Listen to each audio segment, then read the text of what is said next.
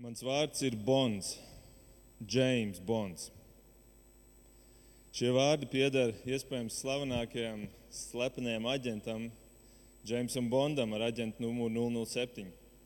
Un maniem dēliem šī slepenā aģentu tēma arī ir diezgan aktuāla šajā dzīves posmā.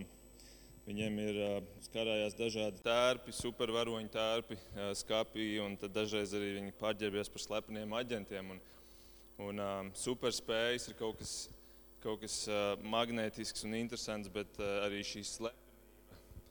Šai slepenībai ir kaut kas attraktīvs, un tāpēc slepenie aģenti neatpaliek no supervaroņiem. Protams, šis James Bonds ir izdomāts tēls, fikcija. Par viņu ir uzņemts filmas. Bet, ziniet, ir vēl kāds aģents. Mēs varētu teikt, viņš ir pats slavenākais, slepenais aģents.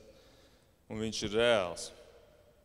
Ja par viņu uzņemtu filmu, tad iespējams viņš teiktu, mans vārds ir gars, svētais gars. Svētais gars ir trīsvienīgā dieva iespējams visvairāk iesaistītā, visaktīvākā persona, bet vienlaikus vismazāk pielūgtā persona. Gluži vienkārši tādēļ, ka šis svētais gars ir tik ilgi darbojies slepenībā slepenībā. Un tā kā šodien ir vasaras svētki, kurus mēs arī saucam par svētā gara svētkiem, es vēlos apskatīt, varētu teikt, svētā gara biogrāfiju. Svētā gara biogrāfiju. Pastaigāt šim svētajam garam, šim slepenajam aģentam pa pēdām cauri Bībelē. Un, protams, šī biogrāfija nebūs pilnīga. Mēs paņemsim tikai kādus atslēgas momentus, un tie būs manis izvēlēti. Tāpēc tā nav pilnīgā bilde, bet tomēr paskatīties, kas ir šis slepenais aģents, kurš viscaur Bībelē slepeni darbojies. Un es vēlos šodien šo svētru un šo biogrāfiju sadalīt tādās dažās nodaļās. Vispirms būs dažas nodaļas tādā vairāk tādā putnu lidojumā, mēs no augšas apskatīsimies, pārlidosim pāri. Bet tad pēdējā nodaļā es gribēšu mazliet nosēsties Ligzdā un apskatīties tuvāk, paskatīties detalizētāk. To varētu teikt, svētā gara pēdējo darbu, to meistardarbu. Svētā gara meistardarbu. Un šim darbam ir ļoti liels sakars ar tevi un mani. Tas izšķir mūžību. Tas izšķir mūžību.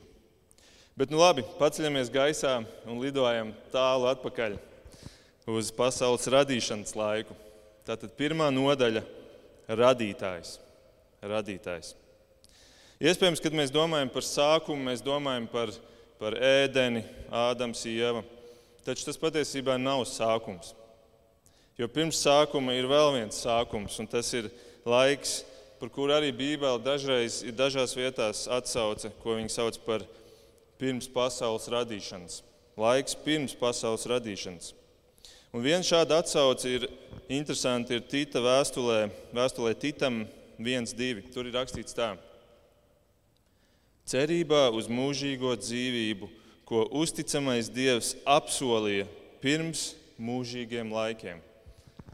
Dievs apsolīja mūžīgo dzīvību pirms mūžīgiem laikiem. Tad, tad tas jautājums ir, kam viņš to apsolīja? Kam viņš varēja to apsolīt, ja nebija neviens vēl radīts? Neviens cilvēks nebija radīts, nebija radīti eņģeļi, dēmoni. Kam viņš to apsolīja?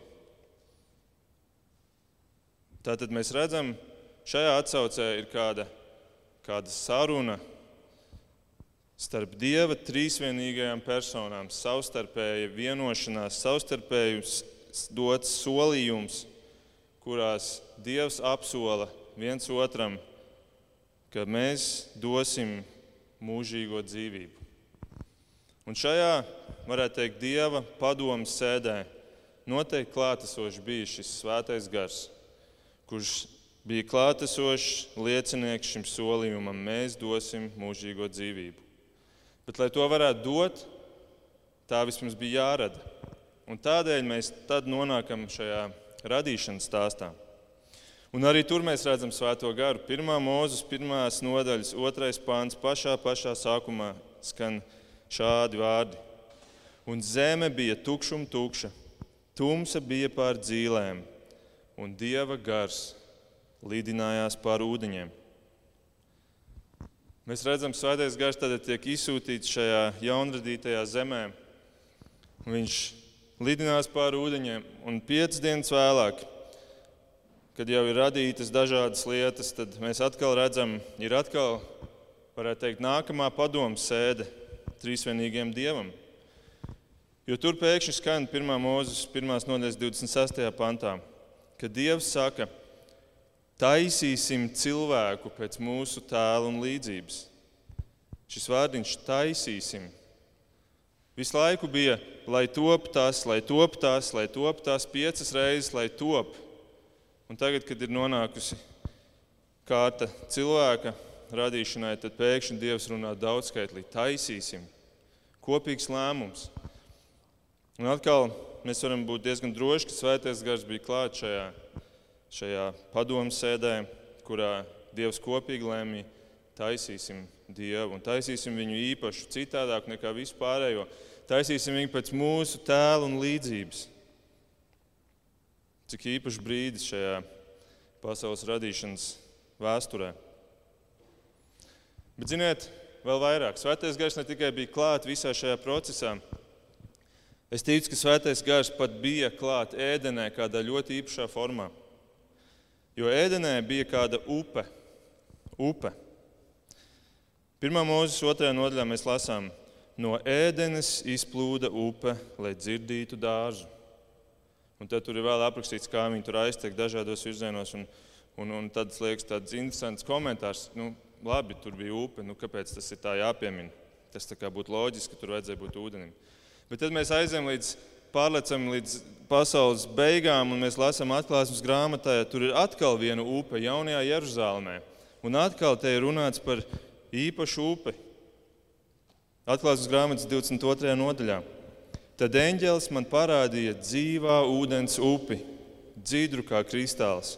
Tā izplūda no dieva un jēra troņa pa ielas vidu. Un te mēs redzam, Dievs tas ir Dievs Tēvs un Jērs, tas ir Kristus, un pa vidu iztek kāda upe. Es domāju, šis ir iespējams viens no iespaidīgākajiem Dieva trīsvienības pierakstiem, bilde, kur mēs redzam visus trīs Dieva personas. Un šis svētais gars ir šī upe. Un kad mēs vēl dzirdam, ka Jēzus Jāņa 7 saka, ka kas man tic, kā rakstos sacīts, no tā plūdīs dzīvā ūdens traumas. To viņš sacīja par garu, ko saņems tie, kas viņam tic. Tad mēs redzam, ka Bībele par svēto garu runā arī kā par šādu upi. Un svētais gars bija klātesošs ēdenē pat šādā formā, jau pašā sākumā. Šī slepenā svētā gara darbošanās jau no paša sākuma. Un tad mēs, protams, zinām, kā tas viss attīstās. Ādams un Ieva krīt grēkā, par pasauli nāk lāsts. Ne tikai cilvēku un dieva attiecībās ienāk šis lāsts un tās tiek samaitātas, un mēs šodien redzam joprojām, kā tas izskatās cilvēku dzīvēs, kad ir samaitātas attiecības ar Dievu. Bet arī pati pasaule saņem lāstu, un tā sāk, mēs varētu teikt, tā sāk pūt. Tā sāk pūt, Un tāpēc Svētais Gars saņem vēl vienu īpašu uzdevumu. Viņa uzdevums ir uzturēt šo pasauli. Viņš ne tikai piedalījās tās radīšanā, bet tas, ko Svētais Gars šodien dara, viņš uztur šo pasauli, viņš atjauno to. 104. psalmā ir teikts par Svēto Garu: Tu pūti savu dvašu, un tie top, un tu atjauno zemes vaigu.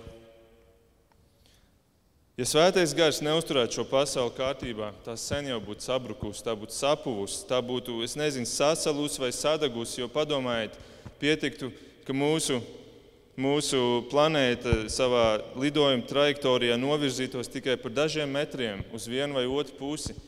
Pārāk tuvu saulē vai pārāk tālu no saules mēs sadegtu vai būtu sasaluši jau. Un šī prātam neaptveramā šī, šī prātu reibinošā precizitāte, kur mēs redzam astronomijā.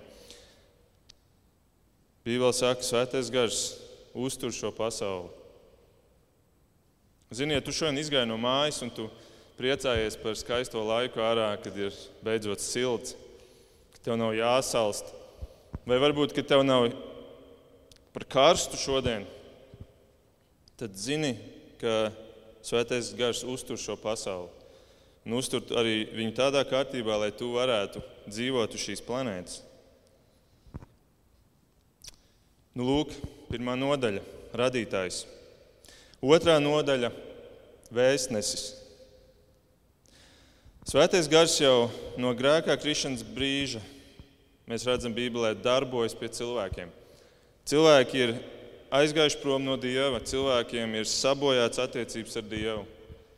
Bet Svētais gars nāk pie cilvēkiem un darbojas pie viņiem, lai vēstu viņus pie Dieva, lai aicinātu viņus. Bet tikai retos gadījumos, tikai retos gadījumos Svētais gars iegāja iekšā cilvēkā. Viņš bija ap cilvēkiem, bet retos gadījumos viņš iegāja cilvēkos, īpašos cilvēkos, praviešos un ķēniņos. Piemēram, Jozovā, kurš bija mūzuma palīgs Izraēla ieiešanā Izraēla zemē, apsolītajā zemē. Tur mēs lasām, ņem Jozu un Nūna dēlu vīru, kam ir gars, kam ir mans gars, un citi. Un svētais gars ienāca līdz ar to kā tāds slepens gars dažos cilvēkos, lai izpildītu dieva gribu, lai izpildītu šo uzdevumu. Bet, ziniet, viņš atkal aizgāja. Viņš ienāca un izgāja. Piemēram, ķēniņa saula gadījumā mēs lasām, ka kunga gars atstāja saulu un kungs viņam uzsūtīja ļaunu garu. Tātad svētais gars darbojās kādā, kādā pārsteidzošā, mēs varētu teikt, mistiskā veidā, mums nesaprotamā veidā. Viņš ienāca, izgāja, viņš bija klātesošs, viņš virzīja lietas. Viņš bija kā vēstnesis, kas nesa dieva prātu un ne tikai aiznesa viņu, bet viņš deva arī spēju izpildīt uzdevumus. Viens interesants gadījums, kas Bībelē ir minēts, ir par mūzu. Jūs zināt, Mūzes tika aicināts izvest Izraēlu no, no Eģiptes un vest uz apsolīto zemi. Un kā viņiem gāja? Viņiem gāja tā, ka vienā brīdī Mūzes ir tik nokaitināts no šī Izraēla ļaužu kurnēšanas, ka viņš saka Dievam, 4. mūzes 11. Viņš saka Dievam, es nevaru viens pats nest šos ļaudis. Es nevaru viens pats nest šos ļaudis, jo tie ir man par smagu. Ja tu man tā dari, Dievs, tad nokauj mani. Citiem vārdiem sakot, Dievs, es nespēju šo vairs izturēt. Es esmu gatavs labāk mirt. Un ko Dievs dara? Viņš saka, sapulcini 70 vīrus, un es no tava gara, kuru es tev esmu devis, ņemšu un dalīšu viņiem, šiem 70 vīriem. Un tad viņš saka, un tev vairs nebūs šī tauta Jānis vienam. Tātad Dievs šo slepeno aģentu, svēto garu, kurš šobrīd ir mūzu, viņš viņu dod tālāk 70 vīriem un padara mūzum šo uzdevumu izpildām. Un vēlāk šos 70 vīrus, tas ir tāds simbols, kas vēlāk pāraug Sinedrijā, kas ir Izrēlam garīgā padome, par kuru mēs esam studējot vai evaņģēlījus, mēs esam daudz pieminējuši viņus. Šī ideja nāk no šejienes, kur Dievs šo svēto garu sūta un sadala uz lielāku skaitu. Un jūs jau saprotat, svētais gars to dienu tika sadalīts 70 cilvēkiem. Bet šodien ir vasaras svētki. Un šodien ir noticis kaut kas vēl brīnumaināks. Šī sadalīšana ir aizgājusi vēl plašāk, par to mazliet vēlāk. Tad mēs redzam, ka slepenais aģents, svētais gars, ir tik spēcīgs, ka viņš tiek sūtīts, lai izpildītu kādus uzdevumus. Viņš tiek sūtīts dažādiem cilvēkiem, Un viņš klusām darbojas šajā pasaulē, uzturot to gan fiziski, bet arī uzturot to garīgi. Klusām svētais gars lidinās pāri pasaules ūdeņiem, pāri cilvēkiem, pāri tautām un dara to kluso darbu, kuru mēs pārsvarā lasot Bībeli, redzam, tēvu darām vai kādus praviešus darām. Bet zem tā visa stāv šī svētā gara ietekme, šis spēks kuru viņš dod un dala slepenā veidā. Un, ziniet, neviens tā pa īstam nepazina viņu. Neviens tā pa īstam nerunāja par to, ka ir kāds vēl gars, kāda vēl viena persona. Visiem bija tikai viens dievs, Jahve. Viena dieva persona, debesu tēvs. Trešā nodaļa. Tātad radītājs, vēstnesis, trešā nodaļa - prožektors. Prožektors. Jo visus šos uzdevumus pildot Svētais Gars patiesībā nedarbojas tā haotiski, tā kā es tagad to apmēram aprakstīju, ka tur nav plāna. Tā tas varbūt izskatās, bet patiesībā sāk iezīmēties kāds īpašs mustrs, kāda pazīme. Un, ziniet, patiesībā tikai tu un es, mēs šodien, jaunās derības lasītāji, mēs esam tajā privileģētajā stāvoklī, ka mēs šodien spējam to saprast, spējam ieraudzīt šo mustru, šo, šo visu sarkano pavadienu, kāpēc Svētais Gars darbojas tieši šādi. Un šis mustrs svētā, darb, svētā gara darbībā ir šāds. Un es aizņemšos izcilā teologa Džeimsa Inela Pakera ilustrāciju par prožektoru. Svētais gars ir kā prožektors.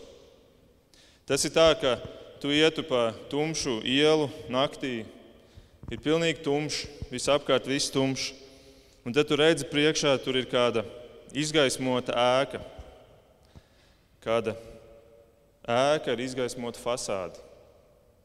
Un tajā brīdī, kad tu pienāc pie šīs ēkas un stāvi viņai priekšā, tad tas ir viss, ko tu redzi. Tu neredzi neko apkārt. Tu pat to prožektoru bieži vien neredzi. Jo viņš ir pagriezts pret ēku. Viss, ko tu redzi, ir gaismas apstarot ēkas fasādi.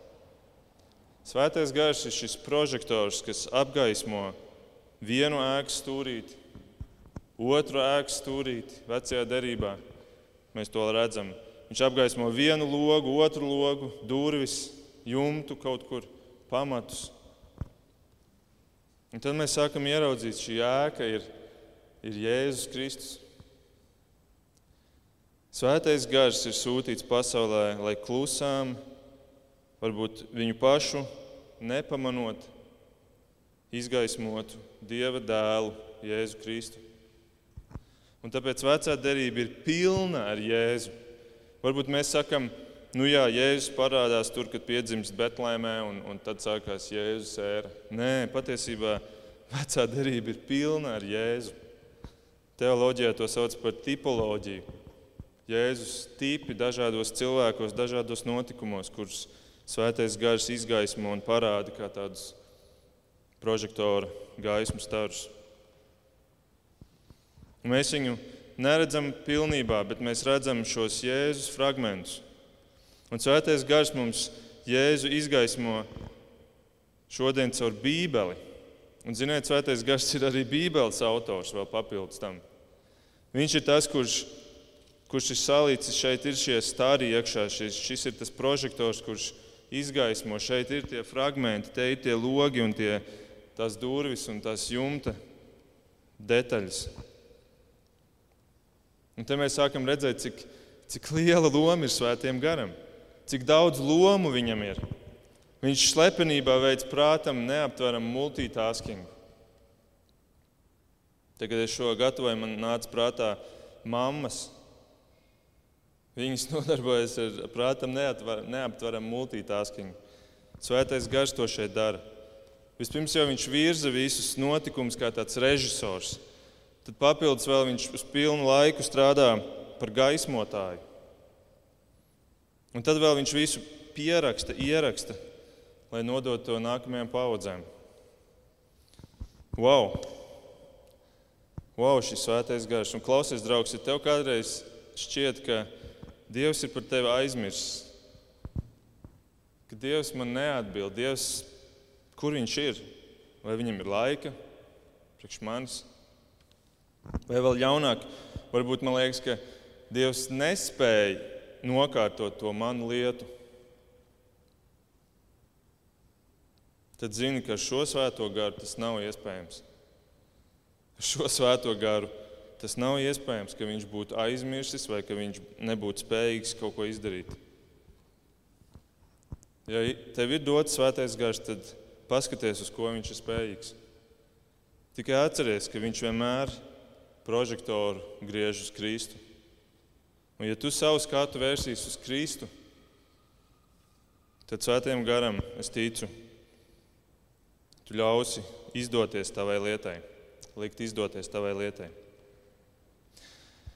Ceturtā nodaļa. Ceturtā nodaļa. Ēna. Ēna. Tā nu mēs redzam, Svētais gars darbojas spīdinot šo prožektoru uz fasādi. Bet tad pienāca tā lielā diena, kad šī ēka bija jāizgaismo pilnībā. Un šajā dienā kāds eņģelis ierodās pie kādas jaunas meitenes, nāceretē, un saka, Svētais gars nāks pār tevi, un visu augstā spēks tevi pārklās. Tādēļ arī kas dzims, būs svēts un tiks saukts Dieva dēls. Šī meitene, mēs zinām, bija Marija. Un viņai saka, ka svētais gars pārklās tevi. Vecajā tulkojumā svētais gars apēnos tevi. Un svētais gars apēnoja Mariju. Un tajā brīdī tika iesēta sēkla cilvēka miesā kas ir arī kaut kas prātam neaptverams. Gars ierodās un iesējas sēklu miesā. Tikpat neticami kā brīdī, kad radās matērija no garīga dieva. Fiziska matērija no garīga dieva. Bet šeit notiek tas pats otro reizi. Un te mēs redzam svētā gara ietekmi arī šajā notikumā. Kurš tad ir Jēzus bioloģiskais tēvs, ja mēs tā varam teikt? Nē, Jāzeps nebija. Jāzeps bija patēvs. Jēzus bioloģiskais tēvs bija svētais gars. Viņš bija tas, kurš atnesa šo sēklu. Un garīgais tēvs, debesu tēvs.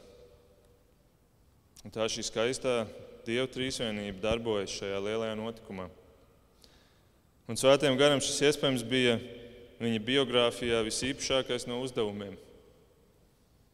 Būt par ēnu, kas atnes šo sēklu no kuras izaugs Dieva dēls. Un svētais gars ne tikai ir klātesošs šajā Jēzus dzimšanas brīdī, šajā Jēzus dzīves sākuma posmā, bet viņš patiesībā pavadīja Jēzu visai dzīvei cauri visos darbos, kurus Jēzus veids, darbojoties caur, caur viņa spēku. Viss, ko Jēzus dara, tas notiek svētā gara spēkā. Visi brīnumi, visas dziedināšanas, visas dēmonu izdzīšanas, miroņa augšām celšanās. Un, ziniet, pat paši Jēzus augšām celšanās notiek svētā gara spēkā. Romiešiem 8.11 ir rakstīts, gars Kristu augšām cēlis no mirušajiem. Svētais gars Kristu ir cēlis augšām no mirušajiem. Tā kā mēs svinam lieldienas, mēs to darījām pirms, pirms pāris mēnešiem. Tad, kad mēs svinam lieldienas, mēs reti kad iedomājamies vai pieminam Svēto garu. Lieldienās tas ir Jēzus, kurš tiek augšām celts. Mēs runājam par dzīvību, par nāvi, par, par šo brīnumu. Bet patiesībā to dara šis slepenais Dieva aģents, Dievs, Svētais Gars, šī klusā ēna, kas atnes dzīvību. Ziemassvētkos Viņš dara, rada matēriju no gara, un lieldienās viņš rada dzīvību no nāves. Ziemassvētkos un lieldienās tas dzinējs spēks, tas klusais aģents patiesībā ir svētais gars. Piektā nodaļa - dzemdētājs. dzemdētājs.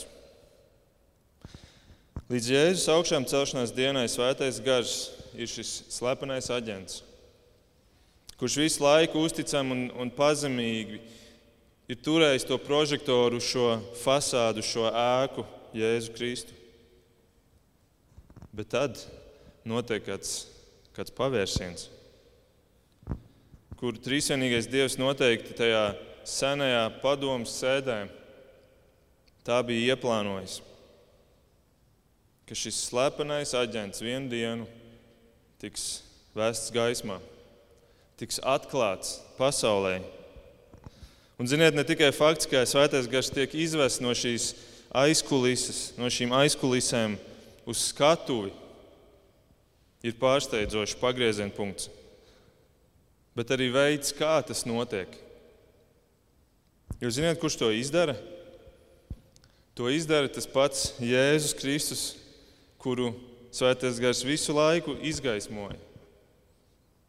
Mēs varētu teikt, ka Svētais Gars visu laiku tur prožektoru uz Kristu, un tad atnāk Kristus, kad viņš ir pabeidzis savu zemes misijas darbu, un viņš pagriež to prožektoru pretējā virzienā. Un visiem mutes vaļā ir un jauns tēls uz skatuves. Jauns pavērsiens Dieva lielajā plānā. Galvenais aktieris Jēzus Kristus pēkšņi nodod galveno lomu svētajam garam. Un, ziniet, man ļoti uzrunā, kā, kā mēs redzam šī, šī Dieva trīs personas šo, šo šo vienotību, kā viņas vienu otru ceļ gaismā. Tas ir tik apbrīnojami. Viņi nevis sevi ceļ, nevis sevi paceļ, bet viņi ceļ visu laiku viens otru gaismā. Visu laiku paceļ otru. Tur spiež cauri pazemība un mīlestība uz otru un pašaizliedzība. Un es domāju, tādēļ vien ir, ir pilnīgi, kļūst pilnīgi skaidrs, ka cik labs ir Dievs, ka Viņš ir pilnīgi labs. Viņš ir pilnīgi taisnīgs, Viņš ir pilnīgi svēts, Viņš ir pilnīgi perfekti labs. Citādi nekad mūžā, nekad mūžā šis trīsvienīgais Dievs nebūtu spējis nodzīvot tādā vienotībā tik ilgi. Mūžīgi ilgi. Mēs to ļoti labi redzam pie Lucifera pie Lucifera, kurš vēlāk kļūst par mums pazīstamāku sātanu. Lucifers bija Dieva augstākais eņģēlis, viņš bija gandrīz blakus Dievam. Viņš bija vistuvākais Dievam arī pēc potenciāla un spējām. Un, un šķiet, ja tu atrodies tur, ja tu atrodies tur, kur bija Lucifers, nu, tad tas gan tev ļaus nodzīvot visu savu dzīvi pateicībā un, un, un pazemībā tur Dieva ēnā. Bet nē, mēs redzam, Lucifers pats sev paaugstināja. Viņš gribēja būt augstāks par Dievu, viņš gribēja prožektoru pagriezt uz sevi, un rezultātā viņam ir kritiens zemāks par jebkuru kritienu, kas ir pieredzēts šajā pasaulē. Un tad mēs paskatāmies uz šī trīsvienīgā Dieva personām, kuras ir vēl tuvākas, ar vēl lielāku potenciālu un spējām kur varētu būt vieta sevis celšanai. Bet nē, mēs ieraugam šo pilnīgo vienotību, šo nesautīgo otru celšanu, šo perfekto mīlestību. Tas ir apbrīnojami. Ak, ja mēs tā spētu, ja mēs spētu būt tik vienoti, mēs, vīrs un sieva un, un brāļi un māsas savā starpā.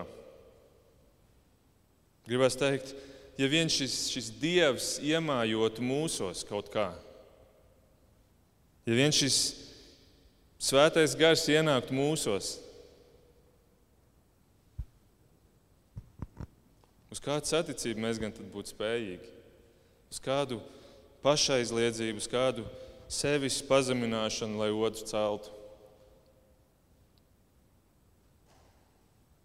Un tā nu Jēzus izved uz skatuves svēto garu un iepazīstina pasauli ar viņu.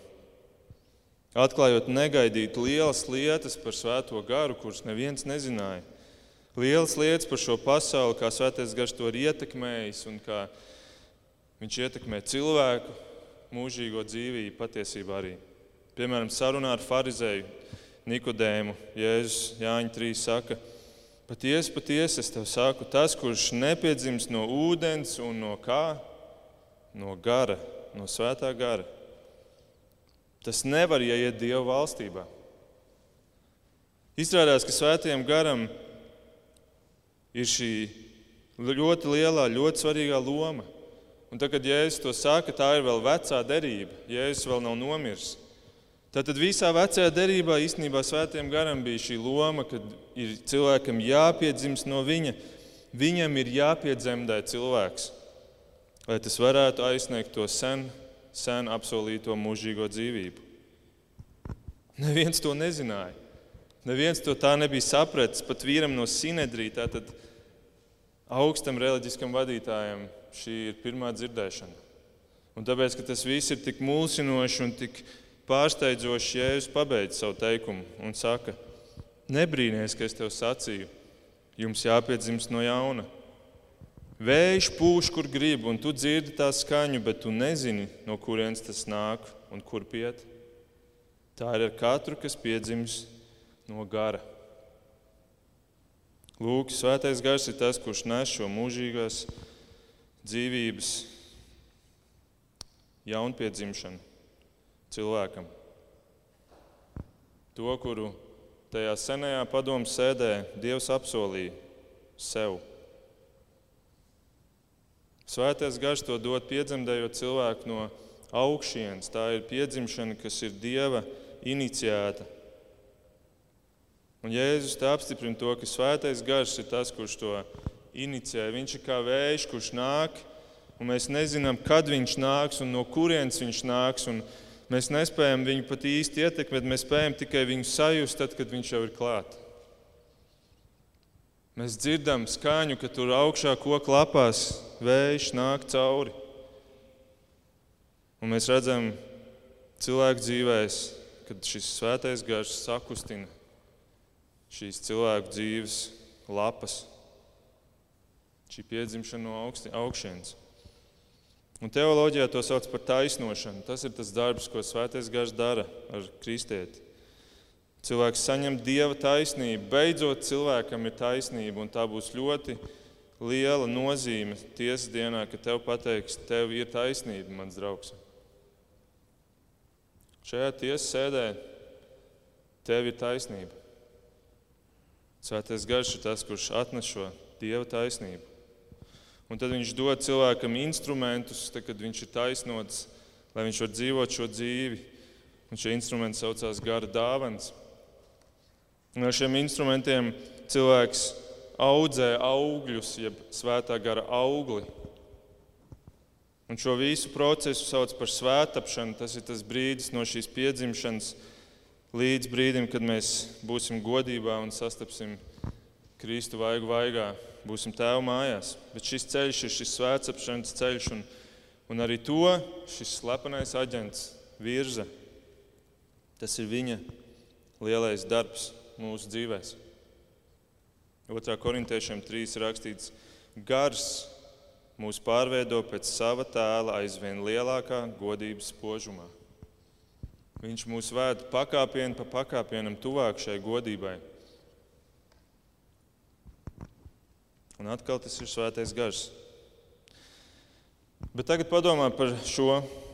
Pēc visa tā, ko tu esi dzirdējis šodien, pēc visa tā, ko svētais gars ir darījis līdz šim, un nevis tikai kaut kādiem tur aizvēsturiskiem izrēļiem, bet kurš ir darījis tev šīs lietas. Jo bez visa šī tu nesēdētu šodien šeit kā ticīgs cilvēks. Tad pēc visu tā, ko šis slepenais aģents ir darījis tavā dzīvē, viņš vispirms radījis šo pasauli. Viņš uztur šo pasauli, lai tu šeit vispār varētu būt. Viņš ir nesis Dieva vārdu patiesību senajiem praviešiem līdz pat šai dienai, lai tu vari šodien turēt šo grāmatu rokās. Viņš ir pildījis izšķirošus uzdevumus, tā skaitā Jēzus piedzimšanu un nomiršana pie krusta, kas arī bija svētā gara virzīts darbs un augšām celšana. Kurš ir piedzemdējis tevi visbeidzot? Šis viss iegūtais, izcīnītais, izpirktais nebūtu nenieka vērts, ja nebūtu vēl viena lieta, vēl viens darbs. Vēl viens pēdējais darbs, iespējams, vislielākais darbs, ko Svētais Gars vēl var izdarīt. Un šis darbs ir tevis sargāšana, tevis pasargāšana. Un tā nu sastā un pēdējā nodaļa šodien. Sargs, jeb aizstāvis. Ja svētais gars būtu tikai ieguvis šo visu milzīgo bagātību un devis tev, un tagad atstājis tevi, nu, draugs, tu esi tagad kristietis, reku ej un dzīvo, turies, turies līdz galam. Dari, lai tu būtu derīgs beigās. Ja viņš tā rīkotos, tad tas viss būtu veltīgs. Jo pirmajā dienā, kad mēs šo visu būtu saņēmuši, mēs to jau sen būtu pazaudējuši.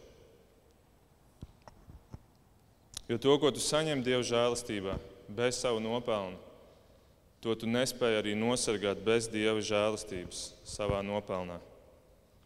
Ja svētais gars nesargātu to, mēs jau to sen būtu pazaudējuši. Tad es ticu, ka svētā gara lielākais darbs šodien ir mūsu pestīšanas sargāšana. Un tas ir tieši tas iemesls, kāpēc Jēzus pagriez to prožektoru pret Svēto garu. Svētais gars tagad nāk tava stunda, un tava loma ir iemājot cilvēkā un palikt tur līdz pēdējai dienai, kad mēs jūs abus kopā sagaidīsim tēvu mājās. Tajā brīdī, kad tu tiec izpirkts, tad visa elle pret tevi nostājas. Tajā brīdī, kad tu tiec izpirkts un tu piedzimst no jauna, tad tevī, tev rodās tādi ienaidnieki, kādus tu vēl iepriekš pat nezināji, ka eksistē. Un bez svētā gara palīdzības tu nemūžam nepaspēsi un netiks līdz neaizsniegts šīs tēva mājas. Pirms Jēzus pabeidza savu misiju, viņš jau brīdināja savus 12 mācekļus, ka nāks svētais gars.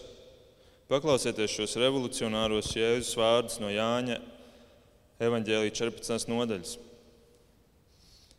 Jēzus saka, es lūgšu tēvu. Un tad, kad Jēzus lūdz tēvu, tad tas ir kaut kas ļoti īpašs. Es lūgšu tēvu, un viņš jums dos citu aizstāvi lai tas būtu pie jums mūžīgi. Patiesības garu, ko pasaule nevar saņemt, jo tā to nedz redz, nedz pazīst. Bet jūs to pazīstat. Kādēļ?